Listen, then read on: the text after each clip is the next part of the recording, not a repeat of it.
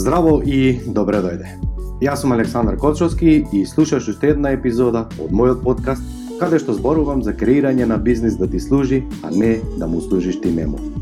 Секој успех има своја цена. Една од цената која што треба да ја платиме за да изградиме успешен бизнис и живот е лична едукација, а тоа е што представува моја страст. Дали да вработам повеќе луѓе или да вработам еден по еден. Е токму тука денес ќе зборуваме во оваа епизода дали е подобро да се вработаве повеќе луѓе, што се предностите, што се недостатоците, што треба да имаме како предходно како подготовка и дали е подобро првата или втората варијанта. Кога зборуваме за повеќе вработувања, најчесто што се случува имаме две ситуации, а тоа е дали започнуваме нова продажна единица или нов бизнис или нова гранка или сакаме да го напредиме постоечкото работење. За да биде попластично објаснето, ова ќе го објаснам со, на пример, еве, доаѓањето на Lidl во Македонија имаат во план да отворат повеќе продажни единици, нели, плюс магазински простор, логистика, значи ќе има сет на вработувања. Што ова ни кажува? Тоа значи дека во оваа ситуација сигурно дека Lidl нема да си дозволи да вработува еден по еден човек и наместо да ги отвори сите 20 и неколку продавници во еден период, да речеме во една-две години, а, да тоа да го продолговлекува нели и додека го комплетира тимот да трае тоа бесконечно или 20-30 години, Туку напротив, јасно имаат јасна стратегија во смисла јасни системи, ментор во компанија, едукација и вовет на вработување, искуство стекнување и пракса и на тој начин би значело дека кога ќе дојде денот да сечат лента и да започнат нели со работа, буквално го имаат подготвено цел тим, имаат воведено тој тим одел на пракса, а, тие луѓе се водени од ментори, што значи дека дента кога ќе ја сечат лентата, овие луѓе буквално ќе почнат со работа како да се во Лидл вработени можеби 3, 5 или повеќе години. Кога станува збор за втората сега ситуација, а тоа е дека се наоѓаш во бизнис, па имаш потреба, нели, дали можеби се испразниле тие работни места, напуштиле вработените или може би си ја одолго влекувал нели намерата да вработиш повеќе луѓе и сега ти доаѓа одеднаш нели потреба да вработиш двајца, тројца или пет луѓе. Што е проблемот со оваа ситуација и зошто во оваа ситуација не е паметно да се вработат повеќе луѓе одеднаш. Првото нешто што се случува во пракса, а тоа е синдромот на староседелци и новоседелци, што би значело дека колку ние и да мислиме дека сме напредни, дека цивилизацијата е отидната на повисоко ниво, дека сме ние луѓе со повисока интелигенција, дека во минатото, нели, а, луѓето не биле толку умни, интелигентни, дека нели сме еволуирале, колку тоа и да го мислиме, сепак ние во нашиот рептилен мозок, нели, а тоа е најпримитивниот кој што не а, чува, нели, и не одржува во основните животни функции, храна, воздух, преживување, размножување и сигурност, безбедност, тоа значи дека овој рептилен мозок се уште во него ги содржи основните човечки потреби, идентично и кога сме живееле во заедници. А тоа значи дека штом вработиш двајца, тројца луѓе од еднаш, веднаш се делат на табори на новоседелци и староседелци и буквално овие нови вработени, старите кои што ти се постоечки вработени, уште веднаш, уште од првата минута ги чувствуваат како а, страно тело, како а, вишок и уште да биде поголем проблемот. Најчесто што забележувам во искуство со, со работка со клиентите, дека најчесто на нововработените им даваме многу поголеми бенефити, не велам дека е лошо, туку сакам само да размислиш на сето ова што зборувам. Најчесто на нововработените им даваме многу поголеми бенефити, ги спуштаме критериумите многу пониско, знаеме и свесни сме дека изборот во сегашната ситуација во државата нема толку готов кадар, нема толку простор за вработување на луѓе, и нормално дека ги спуштаме критериумите колку да ја затвориме нашата потреба од работни места, а тоа значи дека веднаш се веднаш се јавува проблем кај постоечките вработени или еве ти пример, она што најчесто размислуваат е следно. А, кога јас влегов на работа, влегов со 200 евра пример, а, додека добив своја канцеларија, свој компјутер поминаа 3 години, додека ми даде службен телефон поминаа 10 години, додека јас се стабилизирав, добив, не знам, К15, одмори, привилегии, чуда поминаа 15 години, а гледај денешниве со прво доаѓање добива и телефон, добива службен автомобил, добива одмор, добива социјално осигурување, добива не знам можеби здравствено приватно осигурување, односно сите оние бенефити на кои што на постарите им требало години да ги добијат, денеска ги даваат нели работодавците под дефолт и ова буквално доведува да луѓето кои што се староседелците едноставно имаат предрасуди кон овие новите и доколку не си свесен за сето ова и немаш јасен план како да ги воведеш во твојата компанија и сето ова да го истераш до крај, тоа значи дека најчесто старите вработени сега ќе ги саботираат новите и еве ти го како се создава рак во компанија затоа што а, зависно од карактерните особини овие луѓе кои што се староседелци буквално ги саботираат, не го пренесуваат знаењето, ги пуштаат намерно да прават грешки, а се со цел за да си го оправдаат своето присуство и да ти покажат колку они се вредни, колку ти не можеш без нив и а, сето ова те води во, во шума, односно во по, грешни заклучоци. Токму затоа, доколку имаш потреба да вработиш повеќе од, не знам, еден човек, Поготово кога се работи на различни работни позиции, ова првата задача која што мораш, ова не е прашање дали треба, туку едноставно мораш да го направиш, е буквално да а, размислиш дали имаш систем за воведување на работно место, а пред тоа да го креираш тој систем за вработување и воведување на, на работно место, Првата задача која што треба да ја размислиш, односно прашање да си го поставиш, е буквално дали имаш јасно во твојот ум и на хартија поставено во делот на организацијска структура која работна позиција треба да работи овој човек. И знам дека ова е предизвик, затоа што постоечките вработени секако дека работеле во најчест случај генерализирам, повеќе работни функции, односно извршувале задачи за повеќе вработени, Ова е замка, не значи дека тие луѓе се надпросечни, продуктивни, ефикасни или интелигентни, па тие можат да заменат три работни места, сека дека ако работаат три, заменуваат тројца, тоа значи дека ќе работат по 30% од работите и никаде 100% на една задача, што значи дека имаме повторно ист временски распон, повторно имаме ист капацитет, само едноставно луѓето во таа фаза работел заменувале повеќе работни позиции, Но ова тебе ти е јасно, на вработените не им е јасно, затоа што често пати они размислуваат дека они сега заменуваат тројца, а земаат плата како за еден. Па си вика, штом јас до вчера работев за тројца луѓе, нели, да речеме продавач, магационер и дистрибутер, тоа значи дека он треба да зема три плати, а реалноста е дека има 8 работни часа и дека во рамките на тие 8 работни часа тој ги работа трите улоги Нели, трите функции ги работи по одреден временски интервал. Но ова, повторно ќе кажам, јас и ти го знаеме, но ова на овој начин работник не размислува, туку гледа од свој агол. Токму затоа е важно да направиш организацијска структура, а, кои работни позиции ти се а, пополнети, кои ти се слободни, кои треба работни задачи да ги да ги работи, на права, надлежности, кому носи одговорности и се останато, што значи колку појасно ова е дефинирано, толку може полесно и побезболно и правилно да се нели испорача, односно да се имплементира во бизнисот. Она што е исто така а, проблем, најчесто а, во оваа фаза често велат луѓето, абе знаеш, ние имаме многу работа и често пати размислувам дека ако вработам човек, а не ми е предходно организиран фирмата, бизнисот, дека може би овие луѓе ќе не затекнат во хаотична ситуација или лошо организирани и може би тоа ќе биде причина и да не се задржи или нели да ја напушти фирмата. И ова е ништо друго, освен верување, затоа што ние сме научени да не се прикажуваме ранливи, отворени и искрени, И од друга страна се правиме нешто што не сме, па едни предприемачи на интервјуто ќе даваат верување, овај а, лажни ветувања, односно намерите кои што сакаат во иднина да ги прават, но не ги направиле, и тоа ново вработениот веднаш го чувствува,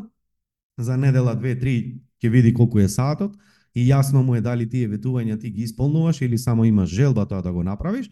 И втора работа е едноставно зошто да а, лажеш, зошто да се комплицираш, зошто да се правиш нешто што не си, кога едноставно можеш слободно, искрено и јасно да им кажеш дека токму поради об зголемен обем на работа, дека токму поради хаотичноста, дека токму поради а, лошата организација, дека првенствена цел ти е да ги пополниш тие работни места, за тоа време додека они се едуцираат, додека се прилагодат, дека ти ќе изградиш систем и дека оваа хаотична ситуација која што навиду може би изгледа едноставно дека нема да биде а, долгорочен процес, туку ќе се затвори за месец, два или три, како и да е и погрижи се на вистина да го затвориш за месец, два или три. И сега додека го зборувам ова се подсетив на еден мој пријател кој што вели а, не е проблем да лажеш на состанок и не е проблем инаку комерцијалист, фантастичен човек. Вика не е проблем да лажеш на состанок, не е проблем да ги преувеличуваш работите, не е проблем да ветуваш нешто што во моментот не си сигурен или не можеш или не си планирал да го направиш, Но поентата е после тој разговор да земеш лист и пенкало да ги запишеш сите ветувања кои што си ги дал, односно потенцијални лажги, и погрижи се да ги имплементираш. И доколку ги имплементираш, едноставно долгорочно тоа не е лажга, туку на тој начин си даваш притисок сам на себе, оние ветувања кои што се ги дал на тој продажен разговор сега овој пат да ги имплементираш. И еве кога би можел сето ова да го сведам само на две клучни работи, тоа би след, значело следно. Прво, дали размислуваш стратешки, како во предходниот случај кој што ти го дадов како Lidl, кој што има јасна програма, има јасен систем по кој што се регрутираат, вработуваат, значи процеси на разговори и останато, нели? Избор на кандидати, работни позиции, па се пополнува и се ова однапред се знае. Дали имаш ментор во компанија? Што значи ментор во компанија? Па човек вработен твој кој што ќе го земе за рака, буквално како учениче, овој твој нов вработен и ќе го воведе на работното место каде што ќе му нели плански ќе му помогне да што побрзо влезе во а, во рутина, односно да го прилагоди на твојата организацијска култура, а тоа би значело дека може би доколку работуваш човек за продажба, ти знаеш и треба да седнеш и да размислиш и да направиш јасен план кои се клучните работи кои што треба да ги научи човекот во првиот месец, кои се клучните работи кои што треба да ги научи во вториот месец, третиот и понатамо, и многу јасно а, за да има мотивација, оној ментор во компанија му доделуваш менторска награда, затоа што прво нити ти си, нити тој сигурен дали тој клиент, кандидат кој што си го регрутирал и вработил, дали ќе продолжи и понатаму да работи или во процесот некаде ќе се откаже, па токму за да нема предрасуди овој твој ментор или вработен во компанијата да рече па сега што треба јас имам 300 работи уште некого да учам, па папа го ловде повторувам, а овие влегуваат, излегуваат, а што имам јас од тоа? Е токму што имам јас од тоа, ти во тој случај му доделуваш менторска награда, како би нели го имал мотив и, и, и, и причина зошто да го едуцира овој твој нов вработен. Значи, клучот е следен. Системи и ментор. Доколку овој чекор го немаш решено, голема е и огромна е веројатноста да дојдеш до оној факт или она заблуда која што често се случува кај пред работодавците или собствениците на бизнис, е па младиве не им се работи, нема човек како што треба, а, сите се нетрпеливи, сите сакаат само плати чуда од еднаш, а никој не сака да работи, не ги бива за работа, па ги шетаат од едно место, па на друго место, на петто место и на тој начин само ја пропуштаат приликата, а подоцна кога ќе видат истиот тој кандидат или вработен кога работел во нивната фирма и не се покажал или барем не видел дека има потенцијал во него, кој ќе види во друга фирма го вработиле и после не ми е јасно како бе кај мене беше човеков него биваше, а некој друг а, работодавец се фали за истиот тој човек дека а, е вреден, дека е работлив, дека супер се прилагодил и едноставно ти си викаш може би, но не сум сигурен, или критериумите се различни или како и да е, но една е вистината, е тоа е дека си имал потенцијал, но на тој начин ти си го пропуштил. Следна работа што би сакал исто така да ја дискутираме на денешниот подкаст, а тоа е а, дали реално е паметно да од сега почнеш да размислуваш твоите староседелци или постарите вработени, дали реално заслужуваат а, да добијат менторска награда, менторски бонуси или не. И втора работа, доколку имаш јасен формиран менеджмент, што најчесто луѓето као го имаат дефинирано, ама ништо не е дефинирано, и за ова ќе снимам посебна епизода, колку е тоа важно а, да биде јасно и гласно истакнато и, и, и сите во фирмата да знаат кој е одговорен, кој не е одговорен, а не нас како ни одговара. И што е поентата? Поентата е дека менеджерите во принцип треба да бидат ментори во компанија и менеджер е човек кој што ги знае сите процеси во самата компанија и кога и да треба да вработи човек, буквално треба да го воведе на тоа работно место. Или еве ти, доколку некогаш си размислувал за оваа тема, ќе ти дадам еден пластичен пример за да видиш во реалноста како функционира Макдоналдс. Сите ние знаеме дека во Макдоналдс платите дали работиш во а, Србија, дали работиш во, не знам, Словенија, Грција или Америка, Платите во Макдоналдс се движат помеѓу 700 и 1200 евра. И на Макдоналдс ова му е совршено јасно дека неговиот бизнис не е атрактивен и дека луѓето во најголем процент, односно повеќе од 90%, луѓето нема да се задржат долгорочно се додека не најдат некоја поатрактивна, по-добра работна позиција. И буквално на Макдоналдс совршено им е јасно дека нивниот бизнис модел е како транзитен центар на да, новодојдени, на новодоселеници, на луѓе кои што едноставно во моментот немаа подобар избор, може би немаат образование или како и да е, значи имаат пониска вредност и ова не е ништо лошо. И токму затоа го имаат цел бизнис модел прилагодено на ваков начин, каде што менаџерите добиваат пати 3, пати 5 поголема плата од платата која што ја издвојуваат за вработените, оние кои што транзитираат низ компанијата, и токму менторот, односно менаџерот во фирмата, има јасна улога, а тоа е како на најбрз начин човек кој ќе дојде од улица, односно го регрутирале, како за што пократко време буквално го воведе на работно место, но овој пат преку јасна документација, преку јасна едукација, преку јаснен чекор по чекор, нели, и едукација, и вовед, и пракса, и контрола, и осамостојување, и за многу краток период, буквално од а, а, човек кој што нема појма воопшто за тој бизнис, и за таа работна позиција да може за кратко време, буквално за месец или два, да го а, едноставно пушти во, во, во оптек или во работа, како да тоа го работел цел живот. На ова совршено им е јасно на Макдоналдс дека дека тој човек кој што нели сега се прилагодил или го вработиле, дека може би за 2, 3, 4, 5 месеци да го напушти тоа работно место, на овој менаџер му е сосема јасно дека дека оваа процедура е игра без престанка, односно постојано се случува, но поради неговата плата, поради неговите бенефити, јасно и гласно му е на, на овој менаџер дека тоа му е работна позиција, односно едукација, приспособување, прилагодување, пренесување на организацијска култура и потребни знаења и вештини и што поврзо луѓето да ги прими на работно место. Оваа лекција која што нема денеска предприемач да ја научи, 100% тврдам, најодговорно тврдам дека во следните неколку години ќе има сериозен проблем, затоа што младите денес се онеоптеретени како предходните генерации од минатото, каде што буквално имаат работа да бираат, па буквално ако може да бира, тогаш едноставно тоа значи колку има поголем избор, тоа значи дека му е многу полесно да даде отказ и да се превработи на друго место и дека се ова ќе има уште поголем интензитет,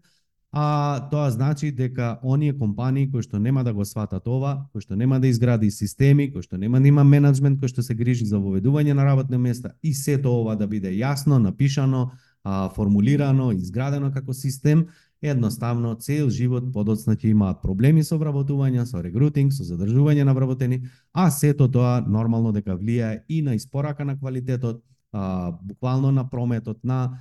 на добивката, што значи буквално основни елементи дали тој бизнис и понатамо ќе екзистира или нема да екзистира.